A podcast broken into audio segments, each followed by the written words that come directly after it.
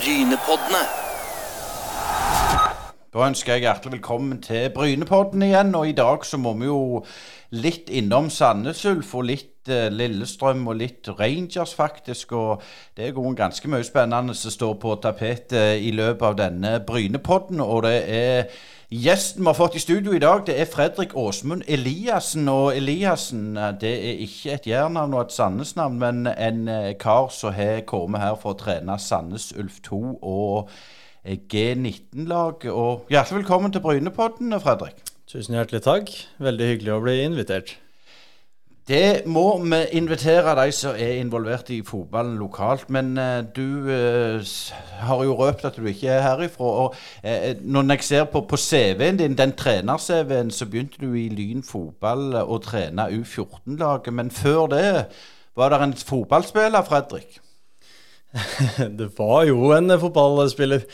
Eh, om det er så mange som har hørt om han, det, da skal du være veldig lokal, og du skal ha veldig god kontroll på aldersbestemte fotballag der nede. Så det var veldig lite karriere å skryte av. Men når er det du liksom får denne eh, treneren i magen, for du er jo ganske tidlig ute? Ja, eh, den trenerspiren har vel kanskje akkurat Eller den har vel egentlig ligget der ganske lenge, tror jeg. Eh, var jo egentlig en litt sånn ledertype ganske tidlig. Eh, tok litt ansvar i, i, de gruppene og de lagene jeg var i. Eh, var tidlig kaptein og, og ønska også å ha det kapteinspinnet for, for jeg visste at jeg var en, en type som tok litt ansvar, og, og ønska det ansvaret også fra en trener. Ønska liksom å være en trener ute på banen. Eh, og så kom jo tilfeldighetene til med at uh, du får skader en prolaps i både nakke og, og, rygg som gjør det litt vanskelig å, å fortsette fotballkarrieren. Eh, og det tenker jeg vel egentlig er, eh, er egentlig bra, at det, det, gikk som det gikk. Eh, jeg føler at jeg har større potensial som en trener enn enn eh, som fotballspiller. Så når de skadene kom, så begynte jo da selvfølgelig tanken å gå til hvordan man kan holde seg inne i fotballen, for fotballen var jo det, det jeg kan, og, og det jeg trives med. Eh, men hvordan var liksom eh, si, østlandsfotballen når du var ung? Hvem var det som var Er det de samme som dominerer i dag? Uh, ja, altså jeg, jeg, vokste jo opp i, i Larvik, og, og, Tønsberg flytta jo dit når jeg var ni år. Um, og Fram Larvik var jo, var jo, viktig for meg i starten av, uh, i starten av livet, holdt jeg på å si, mest pga. faren min, som, som var veldig aktiv der. Eh, og gikk jo etter hvert til, til Leik Tønsberg. Og de to klubbene har jo vært eh, hva skal jeg si, litt sånn sovende giganter, egentlig. For det er jo egentlig et stort potensial i Vestfoldfotballen. Eh, uten at vi skal gå for mye inn på det når vi, når vi sitter her i, i Rogalandsfotballen. Men, men, det er jo et stort potensial i begge de to klubba, eh, som ingen egentlig helt har klart å få ut. Sandefjord har liksom vært et stabilt eh, lav Eh, Eliteserien eller, eller, toppen av, av Obos-ligaen. Så det har jo vært liksom de samme lagene der borte egentlig, egentlig hele tida. Um, uten at man har helt klart å, å ta de neste stegene som jeg egentlig tror man bør kunne klare. det. Eh, når du, når du, begynte på videregående, så, så var det jo òg det at du gikk Du ville, ville tidlig gå den, den, veien. og Fortell litt om det miljøet som du, du møtte på videregående. Eh, begynte jo På videregående så gikk man jo idrettsfag. Ønska å begynne å spesialisere meg innenfor idretten. Eh, visste at fotballen var egentlig veien min videre i livet. Eh, og da møter man jo på mye forskjellig.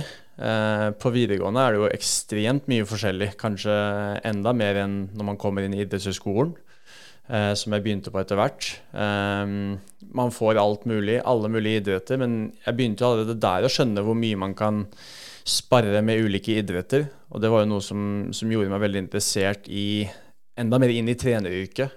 For du hørte hvordan uh, ulike utøvere drev sine idretter, og hvordan de drev sin trening. Og Det også gjorde at jeg ble enda mer bevisst på hvordan jeg ville gå inn som en trener i, i fotballyrket. Nei, for det er akkurat det du sier, det har jo vi tatt opp i Brynepodden her òg, at vi syns jo at toppidretten veksler lite med idrettene. altså De samarbeider lite. liksom, Sånn gjør vi det i fotballen, sånn gjør vi det i håndballen, sånn gjør vi det i ishockey. Men det som du sier, det er jo mange likhetstrekk. 100% Og vi er jo idrettsutøvere i alle de ulike idrettene. Og jeg føler at man har veldig mye å lære, og syns, sånn som du sier, at man er for dårlig på å utnytte de kompetansene som er i ulike miljøer. Ehm, jeg føler at man kan lære utrolig mye hvis man virkelig går inn i dybden, eh, og hvis man virkelig tør å, tør å forstå den andre også. Eh, og lytte, ikke minst. Eh, og ta til seg ting som, som, kanskje virker litt fjernt, men som egentlig er ganske transparent og, og likt. Um, og det har vært en fascinasjon for, for, min egen del, og jeg har absolutt brukt mye fra andre idretter inn i, inn i min egen idrett.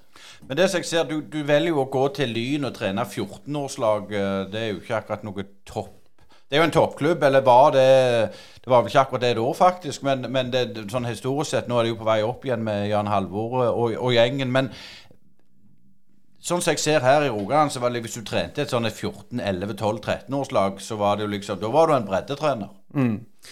Ja, altså for min del så Man starta jo på idrettshøyskolen eh, og ønska å bli trener, og da sender man jo ut eh, mailer i hytt og pine, egentlig, eh, og, og ser hvor man kan få napp.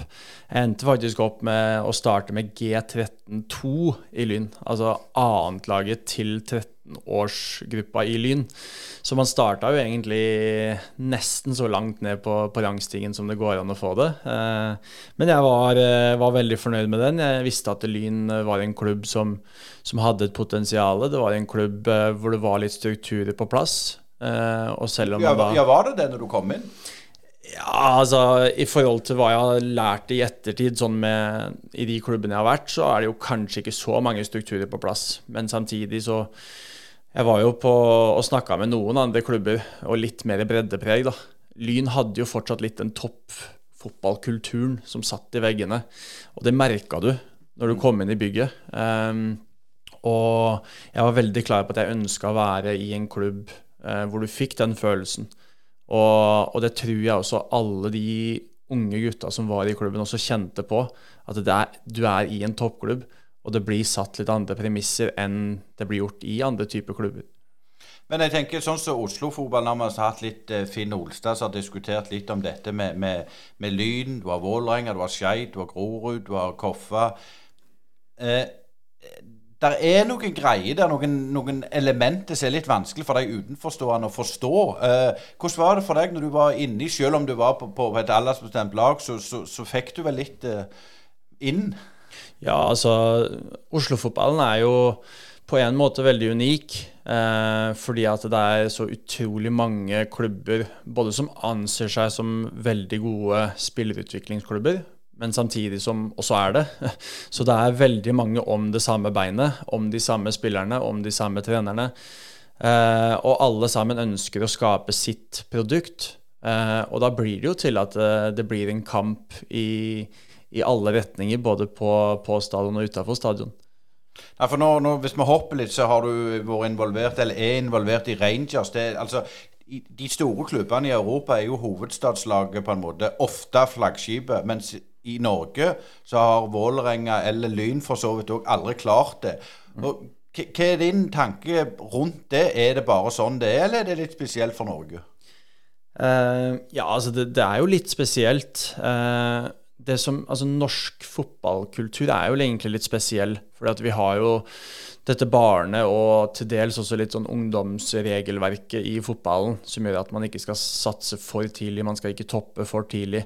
Eh, det er jo helt, eh, helt, ukjent for klubber i utlandet. Eh, og det gjør jo også da til at for klubber som, som er i, i Norge, så ønsker man å skape sitt eget produkt. Samtidig så er det veldig mange, sånn som jeg merker jo i Sandnes Ulf, sikkert her også uh, i Bryne, kanskje for Viking også, så, så har man sitt område. Og, og, det er jo der man egentlig starter, med at breddeklubba er veldig fornøyd når de får sendt sine spillere til Viking, til Sandnes Ulf, til Bryne. Og på den måten så får du jo den hva skal jeg si, gratisplassen som flaggskipet i nærområdet. Mens i Oslo så er Skeid godtar ikke at uh, Vålerenga er et flaggskip.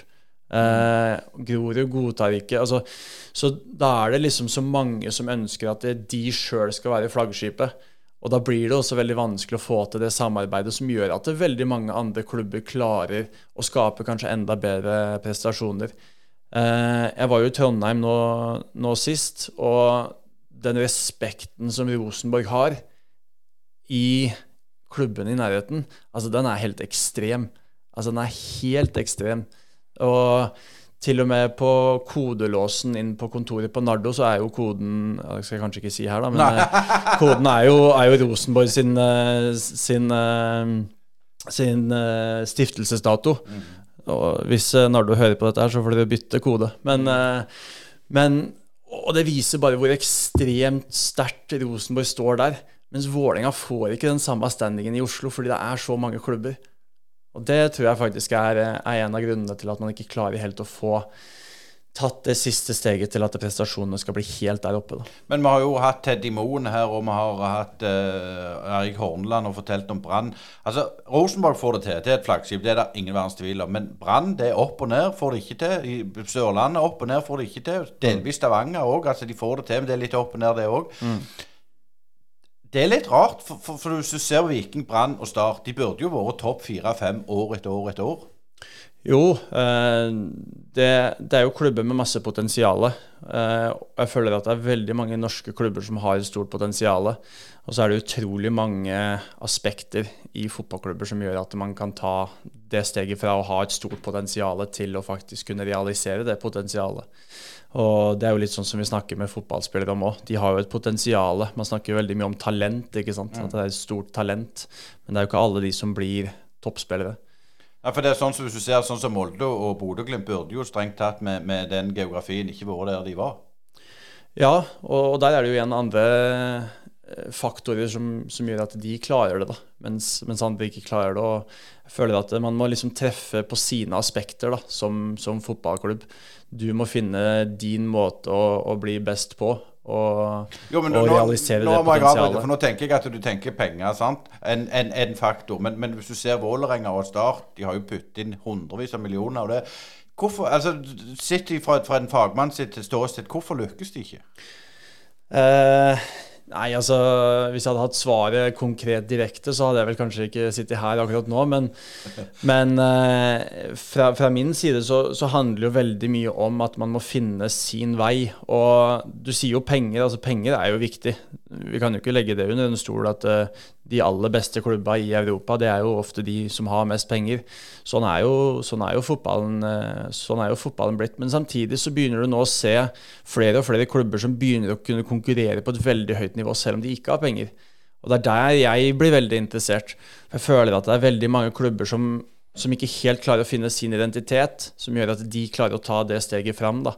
Og der føler jeg at pengene liksom er det aller viktigste. Hvis du ikke har penger, så må du finne en annen vei. Hvis du har penger, så må du finne din vei med de pengene. For det hjelper ikke bare å ha penger, det hjelper ikke bare å kjøpe den type spillere. Du må hele tida ha en plan som, som, går fra A til Å innad i klubben, som gjør at, uh, at man kan realisere det potensialet. Og det er helt sikkert uh, dyktige folk både i både i Vålinga og Start og, og hele pakka som, som, jobber med akkurat de tinga som vi, som vi sitter, prat, sikkert eh, sitter og prater om her. Og de har sikkert mer kompetanse på den også, men, eh, men, jeg i hvert fall er veldig opptatt av det at man skal skape en identitet og skape eh, Eller finne sin egen vei til topp, da.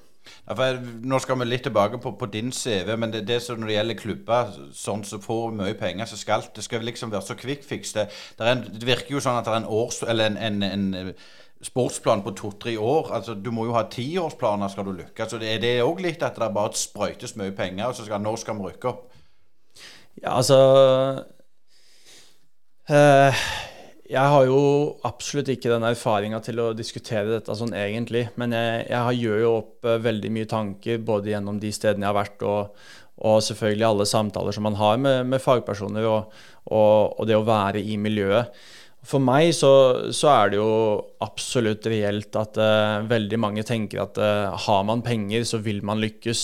Uh, henter man spillere som har vært i, i Eliteserien, eller og henter dem ned til Obos-ligaen f.eks., så, så vil det gjøre at man lykkes.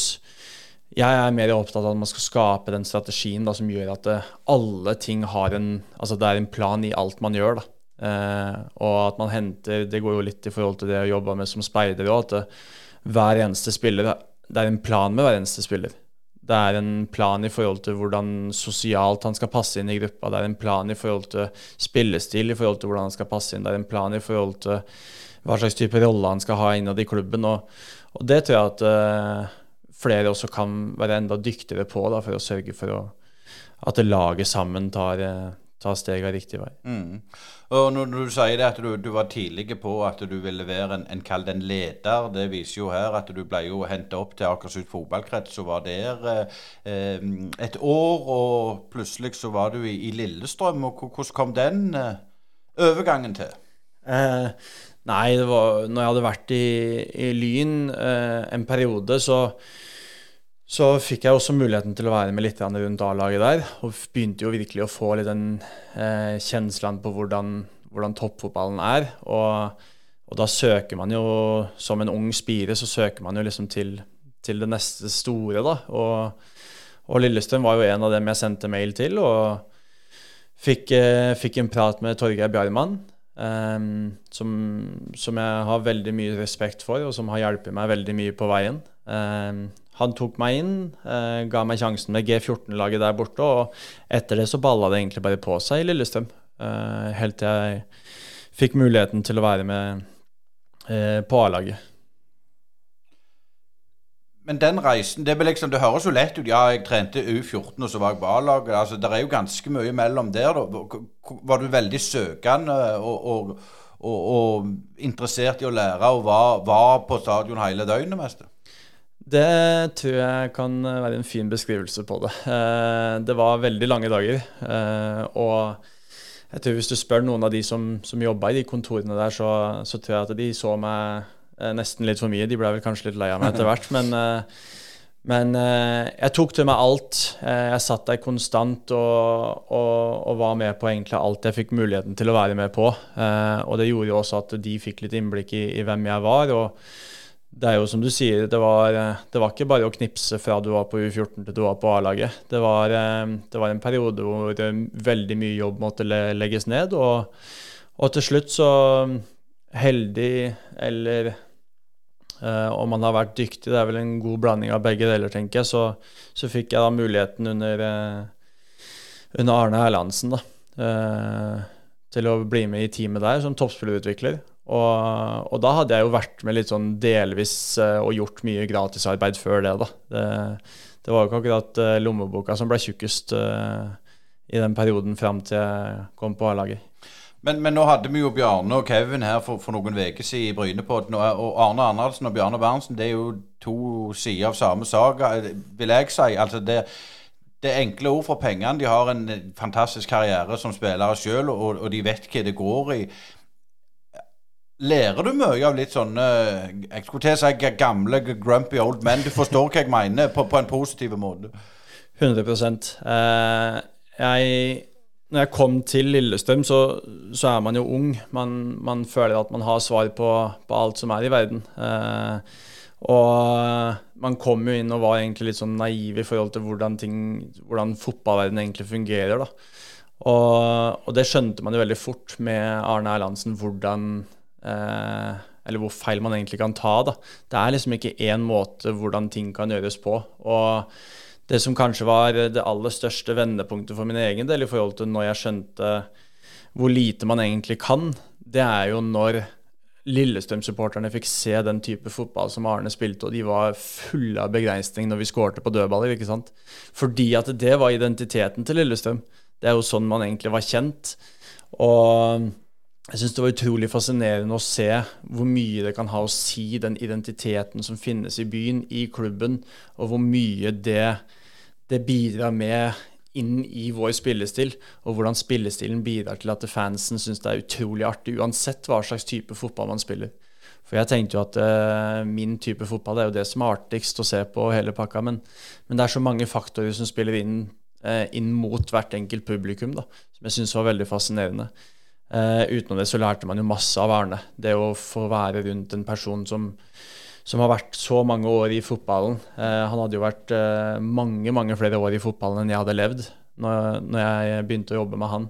Så fullstendig veldig fascinerende. Og jeg er også fascinert over Bjarne Berntsen. Eh, syns den kontrollen som han har hver eneste dag, og stresser aldri over noen ting på en god måte. Eh, og har egentlig full kontroll i alt han foretar seg. Det, det syns jeg er fascinerende.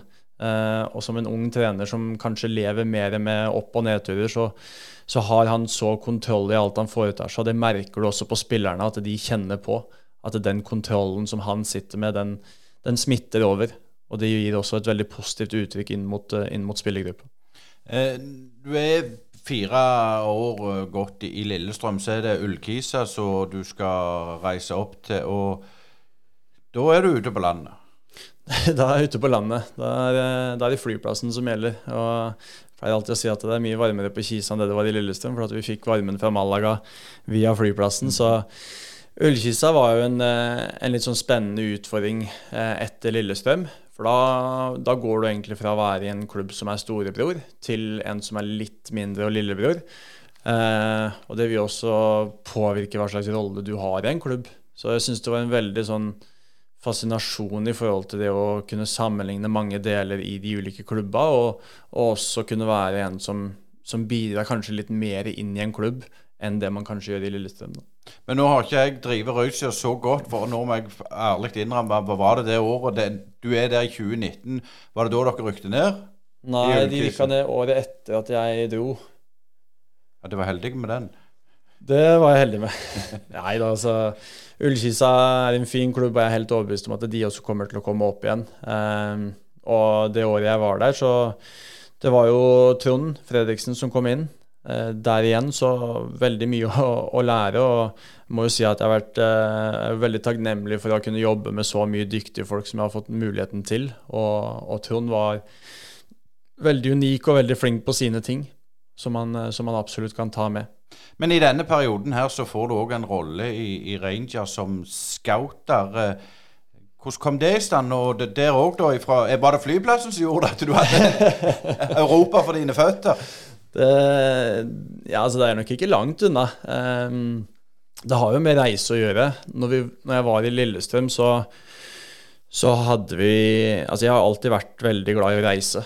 Vært uh, veldig glad i å, å, se nye ting, oppleve nye kulturer, møte nye mennesker. Uh, veldig opptatt av uh, det å få prate med mennesker og, og, det å lære nye ting. Det har liksom alltid vært veldig spennende for meg sjøl. I Lillestrøm-tida så hadde vi jo innimellom fridager. Og når vi hadde én fridag, så dro jeg på Universitetet i Oslo. Bare reiste innom en helt uh, tilfeldig forelesning og lærte. Men så hadde vi en, uh, en fri helg, og da tok jeg turen til, um, til Frankrike. Fikk en uh, speiderbillett uh, i det franske forbundet som Lillestrøm, faktisk. Og det var Frankrike mot Nederland, så det var jo egentlig ikke så mye å se på. Det var liksom ikke at vi kunne dra og hente Mbappe til Lillestrøm, liksom.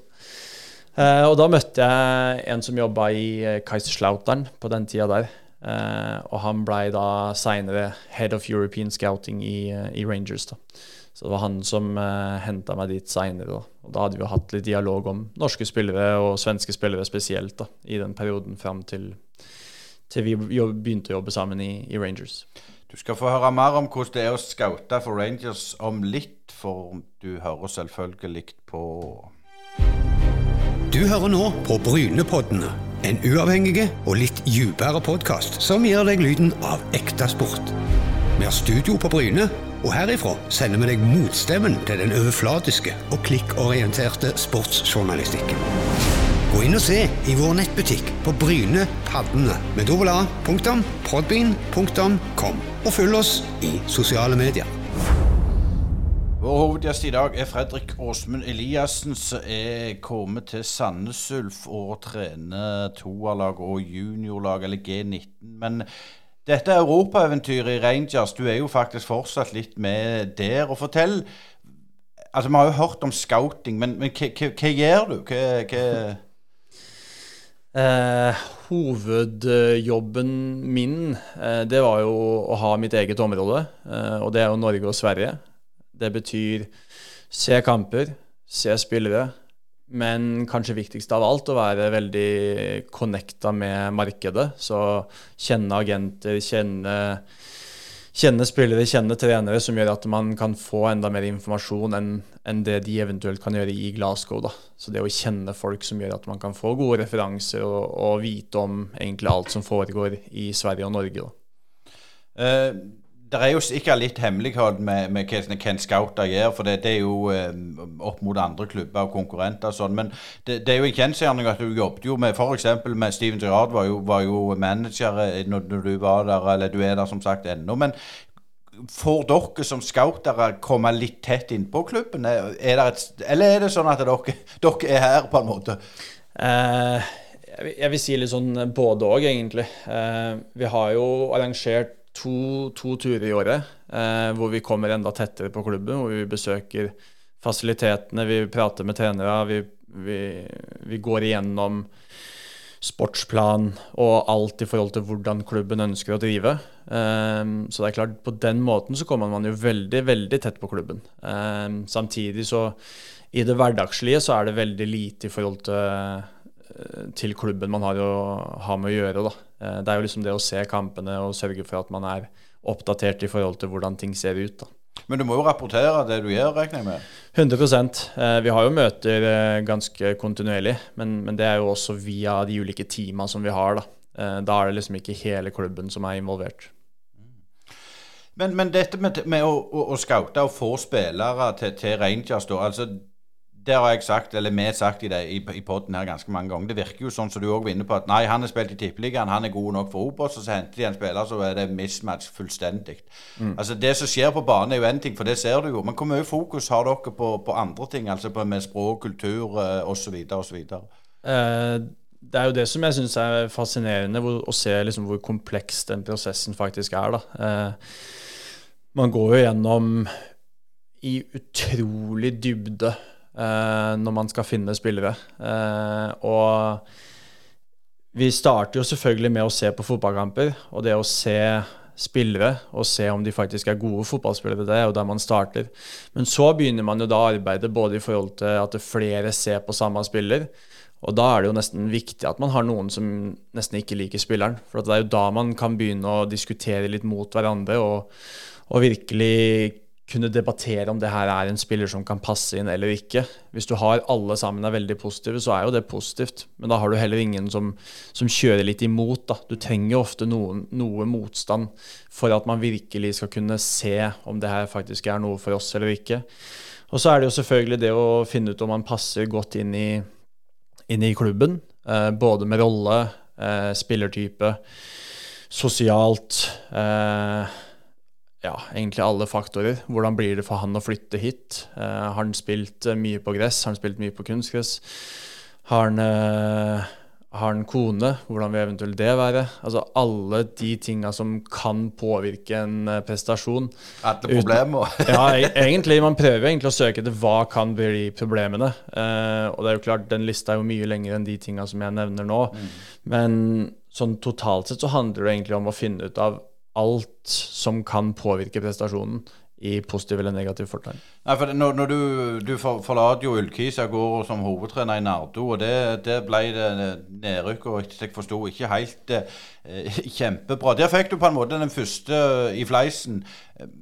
Når du ser tilbake på det, det er jo ikke så mange år siden, det var vel i fjor, eh, 2022. Hvor mye lærte du av det? Veldig mye. Eh, på alle mulige måter, egentlig. Eh, det er jo en, en erfaring som, som, man egentlig ikke helt skjønner før man, før man står der. Og selvfølgelig, eh, sett i ettertid, så, så kunne man gjort litt mer research i forhold til hva man faktisk går inn i. Samtidig så føler jeg at vi, vi bygger opp noe spennende der borte. Og det irriterer meg egentlig at det, vi ikke får fullført prosjektet vårt i 2021. Eh, pga. Mange, mange forhold. Men uh, jeg føler at hvis vi hadde klart å fullføre det året 2021, så hadde vi både klart oss i andredivisjon og i tillegg bygd en utrolig solid, eller et solid grunnlag inn mot 2022 og virkelig kunne bygd opp den klubben. Men så er det jo selvfølgelig mange ting som gjør at man, man ikke får eh, verken fullført 2021, eh, og da også ikke helt klarer å få få bygga klubben sånn som man ønsker. Men når du nevner dette med Rangers med scouting og hvor profesjonelt det er, så, så går du ned, eller du er litt i Nardo og ser hvor Det er mine ord, hvor uprofesjonelt det er. Hvor stor forskjell er det på Nå er jo Rangers en, en europeisk topp, toppklubb, selv om de òg har hatt sine downs. Men hvor stor forskjell vil du si det er på norsk fotball og, og Rangers, f.eks.? Uh, altså Norsk fotball sånn generelt sett begynner jo å, å, å virkelig bli profesjonalisert. Uh, virkelig profesjonalisert i alle ledd av fotballklubber. Fra, fra topp med, med sportssjefer og, og, til bunn med, med ungdoms- og, og, barnetrenere. Så vi tar kvantesteg som, som fotballnasjon. Uh, det er klart Forskjellen mellom Nardo og Rangers den, den er jo ekstrem. for, det, for det er jo altså Nardo er jo en er jo en toppfotballklubb, ønsker å være, men samtidig har sitt breddefokus. Eh, og Sånn sett merker man jo forskjell. Men jeg, jeg syns at norsk fotball generelt sett begynner nå virkelig å ta, eh, ta steg i riktig retning, som gjør at vi òg etter hvert kan begynne å og både nasjonalt eh, Altså, klubber begynner nå å gjøre det godt i Europa. Eh, landslaget håper vi jo at det skal begynne å virkelig slå fra seg. Og og totalt så syns jeg at norsk fotball eh, er på vei fram. Rangers er vel mest 90 000 på, på, eller på det verste. og, en, altså Der er det jo katolikker mot eh, altså Celtic Rangers og alt dette her. Det, det er jo hypa opp. og, og, og det er jo gedigent, det, det, skjønner folk. Men, men hva tror du er den største utfordringa til norsk fotball kontra det som du har sett i Rangers, som er, er, som er en toppklubb? Altså Begynner de like tidlig med spissing, f.eks.?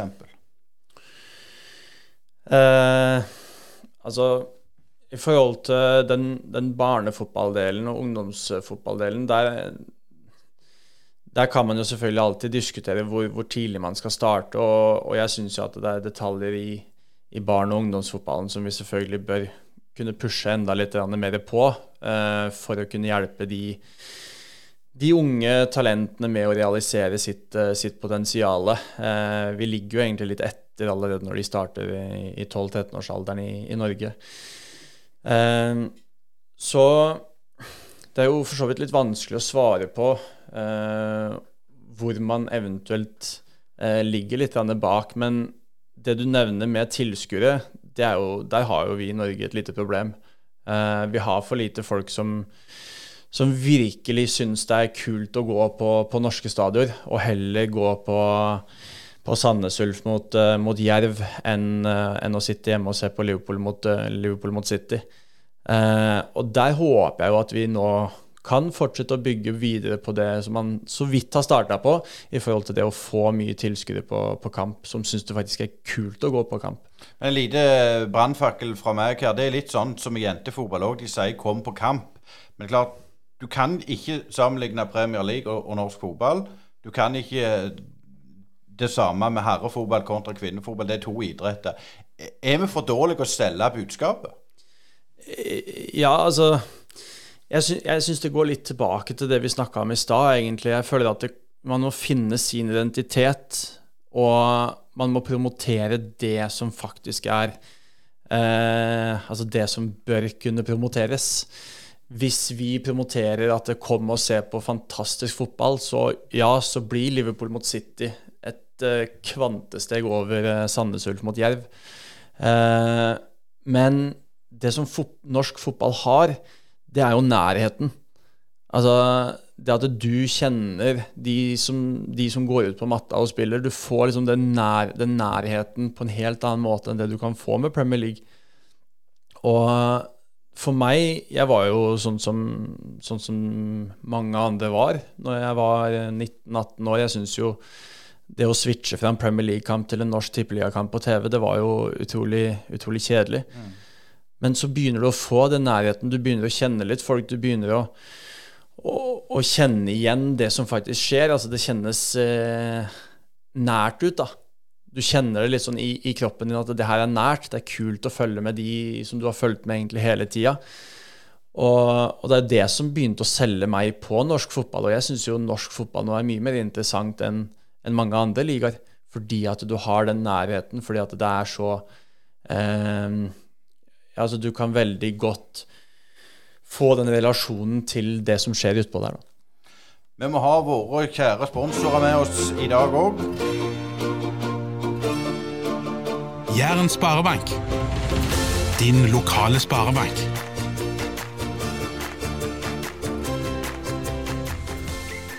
Men nå er det Sandnes Ulf, Fredrik. Og jeg tenker litt på Du, du går fra, fra Rangers til, til Sandnes Ulf. Det òg er jo et kvantesprang. Hvorfor uh, gjorde du det, og hvorfor søkte du på en måte ikke, hvis jeg kan si litt frekt, større oppgaver? Nei, altså uh, Den, den Rangers-jobben var jo litt sånn varierende prosentandeler både opp og ned. Eh, og man kunne jo liksom valgt å gått 100% for den speiderjobben.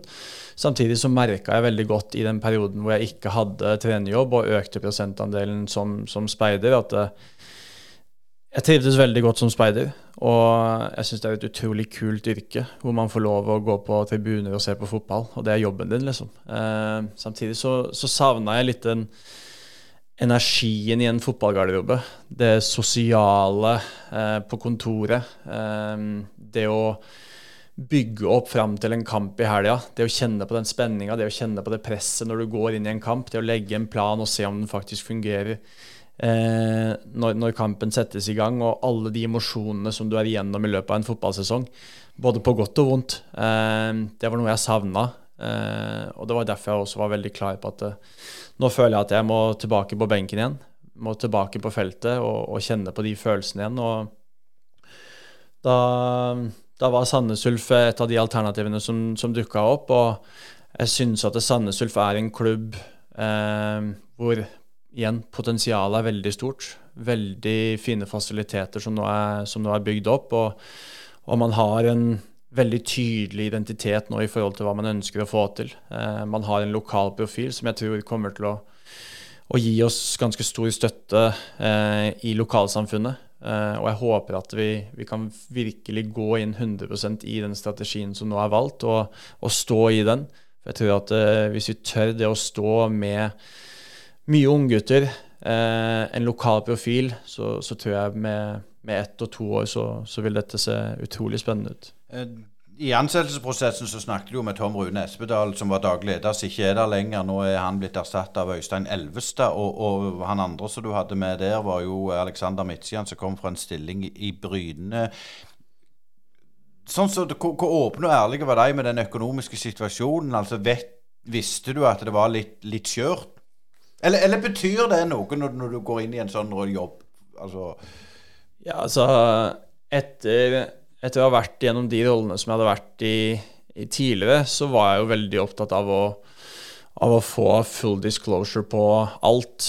Eh, fra hvor man ligger sportslig sett, hvor man ligger an økonomisk sett, hvordan man egentlig ligger an på alle plan. Uh, og hvis du spør Midtsiden, så, så brukte jeg god tid uh, til å ta meg det valget uh, etter at vi hadde begynt prosessen, og etter at han også hadde, at han hadde gitt meg et tilbud. Uh, og det var fordi at jeg ville gå gjennom nøyaktig alt som, som kunne bidra til at det her blir veldig bra, og eventuelt hvis det ikke uh, skulle gå så bra. Så jeg var veldig opptatt av det, og fikk også flere prater. Fikk jo også prata med, med, Bjarne før, uh, før, jeg ble ansatt. og gjennom alle de pratene så, så ble jeg veldig klar på at det her er et, et prosjekt som, som passer meg og, og min profil. og og føler at jeg kan hjelpe til at eh, til Sandnes Ulf eh, kan ta de stegene framover som han ønsker. Nei, Vi hadde jo Bjarne han fortalte, vi snakket litt om, om økonomien og Fotball-Norge. og det er klart sånn så Raufoss var jo skikkelig på felgen i fjor, og, og, i år så har de reist på tre treningsleirer. og Det varierer jo enormt med, med dette med, med sponsorinntekter og inntekter i fotballklubber. Men det er liksom jeg prøver, hvis du, nå er jo du familiefar og sånn. Hvordan er det å jobbe rundt det? Altså, Jeg er i et stort konsern, så du vet du får lønn, du, er i trygge rammer. Er det noe som stresser deg? Um, nei, egentlig ikke. Uh, når man har vært i fotballverden i uh, det ut som jeg er gammel mann, da, det er jeg for så vidt ikke. Men uh, de få åra jeg har vært i fotballen, så, så, har man jo bygd seg opp litt erfaring i forhold til hvordan det er å være i fotballverden. Og jeg føler også veldig trygg på, på meg sjøl og de avgjørelsene som jeg tar nå, eh, i forhold til at eh, man går inn i en, inn i en ganske trygg, eh, trygg hverdag. Og så ønsker man jo selvfølgelig å, å få trygge rammer eh, på litt lengre sikt eh, etter hvert også. Eh, du trener jo i sammen med Nå står det her Odian Bidjan, som kommer fra, fra, fra Egersund. Men dere er i tredjedivisjon med, med rekruttlaget. Er det mye spennende spillere på vei opp, syns du, som kan ta steget, eller, eller er det steget for stort? Nei, jeg syns jo det er, det er, veldig mange spennende spillere vi har i, i klubben. Eh, og, og, nå er det jo mange også som, som er med i A-laget. Eh, du har jo en eh, flere av dem i, i 2004-kullet som nå har både fått kontrakt og, og, som har spilt mye i treningskampene. Og, og vel fortjent òg. Eh, det er jo viktig å, å, tillegge. Det er liksom ikke bare at man søker en ung profil og så bare kaster man ut på unggutta. Det er jo fordi at de faktisk fortjener det. Og Det betyr jo at det er mye spennende spillere som, som er på vei opp. Man spilte jo NM-finale i fjor, uten at det nødvendigvis er et, eh, et, tegn på at man har veldig mye gode fotballspillere. Men samtidig, det, det viser jo til at man, man, gjør noe riktig, og at man, man har spillere som, som, er potensielt uh, ganske høyt oppe i, i, norsk, uh, i norsk målestokk. Um, og jeg syns de har tatt stegene veldig fint inn mot A-laget, og det tror jeg også Bjarne vil, vil si. At, at, de har muligheten til å få minutter i Obos-ligaen i år, og, og det syns jeg er veldig positivt. Nei, for Hvis du ser sånn lokalt her med Bryne og, og Viking, rekruttlagene det virker jo sånn at de er milevis unna gjerne et A-lag. Og det er klart, med den profilen dere ønsker, og det sa jo Bjarne òg, dere må ha den profilen, for, for dere flyter ikke over av melk og honning. Men kan det bli òg tøft for disse ungguttene at, at de ikke takler det mentalt sett? Er det noe dere er bevisst på det? At når du kommer på den store scenen og skal debutere mot, borte mot uh, mot, mot, nå vet jeg ikke hvem, mot Bryne f.eks. Der er folk på tribunen og, og, og tjo og hei. Altså, det er en stor overgang. Ja, 100 det, det er jo det som blir vår jobb så mye som mulig, å, å skape en utvikling i, i forhold til alle de motstandene som vil dukke opp for dem. Og, og det å spille i en Obos-liga i en såpass kompetitiv uh, divisjon som, som Obos-ligaen er blitt, så må vi også lære dem opp til det. Og det er klart, nå fikk de jo kjenne på en NM-finale i fjor, og det gjør jo at man allerede der har fått kjent litt på den spenninga med å spille en ganske viktig kamp. Så jeg føler at vi, vi er på riktig vei i forhold til å guide dem inn mot eh, det som kommer. Og så samtidig så, så, er det noen ting man rett og slett ikke klarer å, å, bli helt klar for før man faktisk står der. Og det er der man da må ha bygd opp en såpass god personlighet i den personen at han klarer å føle seg trygg når han går utpå der.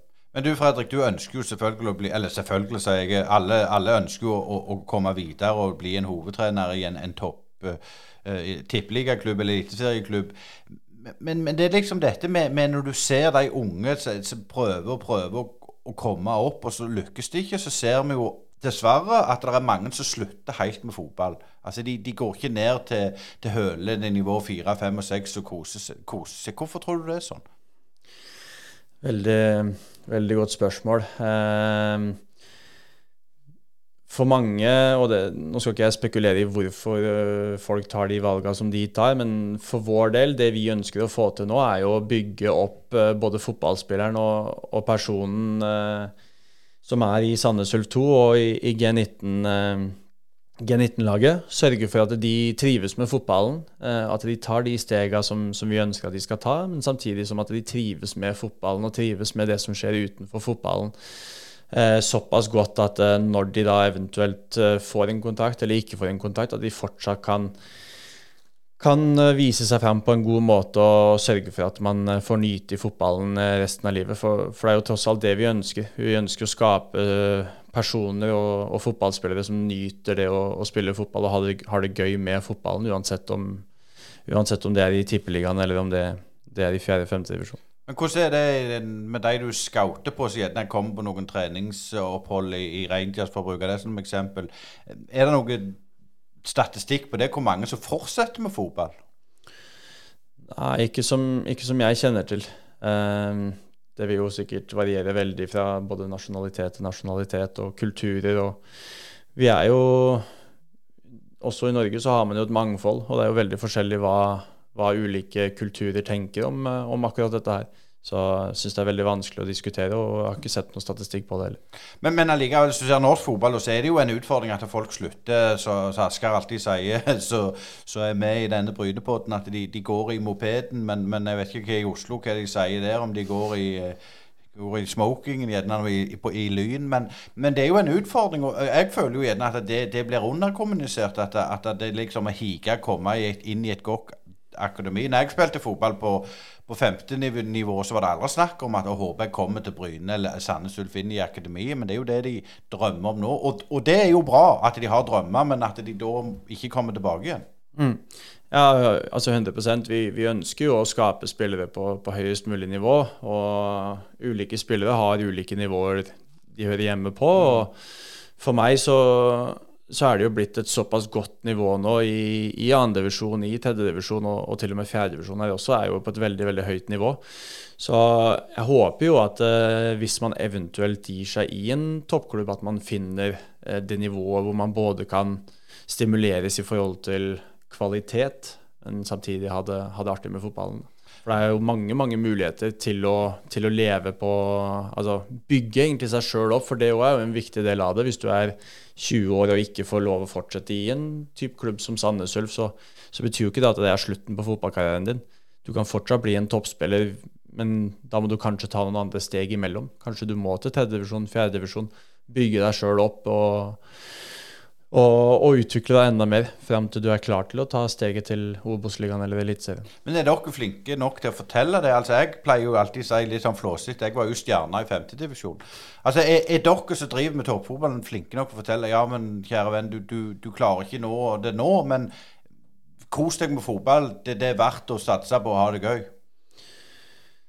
kan helt sikkert uh, diskuteres i, i, øst og vest om man er flinke nok til det. Uh, det det vi prøver på, er jo selvfølgelig å, å bevisstgjøre dem på at, eh, at, man skal kose seg med fotballen. Eh, virkelig utnytte den tida man har i, i Sandnes Ulf eh, med de jeg jobber med, selvfølgelig. Og, og, ta til seg både alt av læring og, og, ta til seg alle erfaringer som man får. og så hvis det eventuelt kommer til det punktet, så, så, må man jo eventuelt ta den samtalen der og da. Men jeg er jo 100% klar på at jeg syns det er viktig at, at, folk finner et nivå som de kan være på. Og spesielt hvis det er noen som gir seg fordi at vi ikke har muligheten til å tilby dem videre plass hos oss, så syns jeg det er ekstremt viktig at vi også jobber med de klubba rundt i forhold til å gi den spilleren, den personen, best mulig utviklingsarena videre.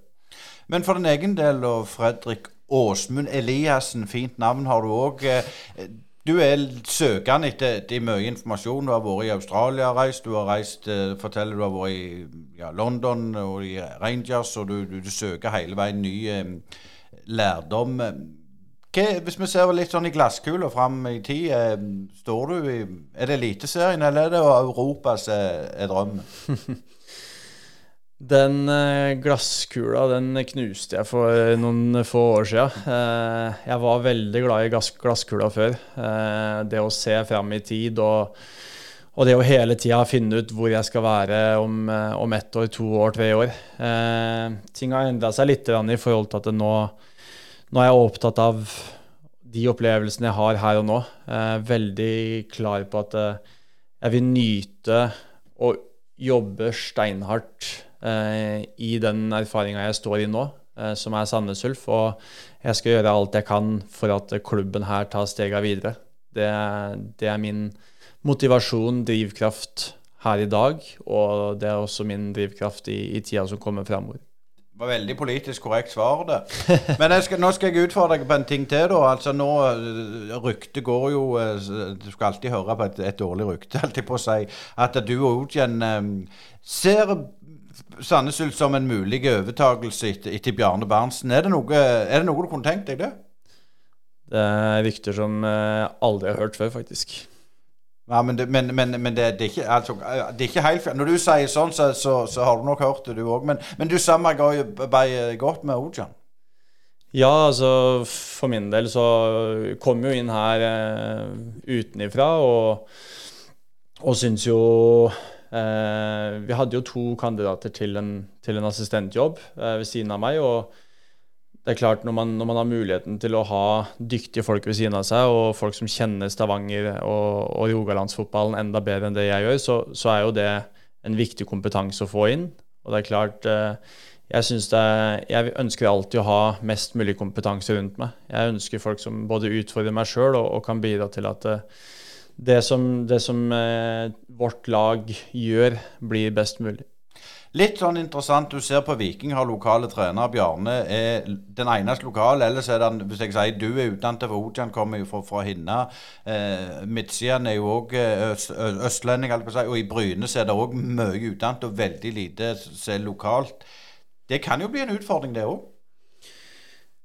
Ja, eh, på sett og vis. Eh, samtidig så så går det fort å lære seg både Sandnes-dialekta og, og, lære seg å, å, bli kjent med både regn og, og vind. Så nei da, for min egen del så Jeg merker veldig godt at eh, dag for dag så, så, blir jeg mer og mer kjent med både Sandnes by og, og Sandnes Ulf som klubb. Og, og, jeg trives veldig godt i både by og, i klubb. Og man tar stadig, stadig eh, lærdom om hvordan man skal, hvordan man skal hjelpe denne klubben og, og, og, denne byen. Så for meg så ser jeg ikke egentlig det som noe sånn veldig stort problem. Eh, det jeg syns er viktig, er at man, man, blir kjent med hva klubben står for, og hva byen står for. Eh, og at man har en god dialog i forhold til hvordan man skal hjelpe de man, eller der man er, på en best mulig måte. Eh, når denne poden blir sluppet, så er det gått en del runder i Obos, så da må jeg jo spørre hvordan tror du det går med Sandnes Ulf? Jeg tror vi har eh, noe spennende på gang. Jeg er ikke noe tvil om det. Eh, jeg tror vi, vi, er i en situasjon nå hvor det kommer til å gå litt opp og ned. Eh, og det må vi bare være ærlige på. Samtidig så føler jeg at eh, toppotensialet vårt og topprestasjonsnivået vårt, samt den spennende kreative delen som kommer fram nå av, både unge gutter og, de som allerede har vært der fra før, så så jeg, er jeg veldig positiv, jeg også. Jeg tror at vi, vi kan virkelig slå litt uh, unnifra, sett fra vår egen side. Jeg vet ikke hvordan uh, alle folka rundt oss tipper oss, men uh, fra min side i fall så tror jeg at vi kan slå godt ifra oss. Du skal aldri høre på en fotballekspert, vet du. Det får være siste ord i denne Brynepodden. Og tusen hjertelig takk for at du tok deg tid i en travel hverdag, Fredrik. Det var en fornøyelse å ha deg på besøk. Tusen takk.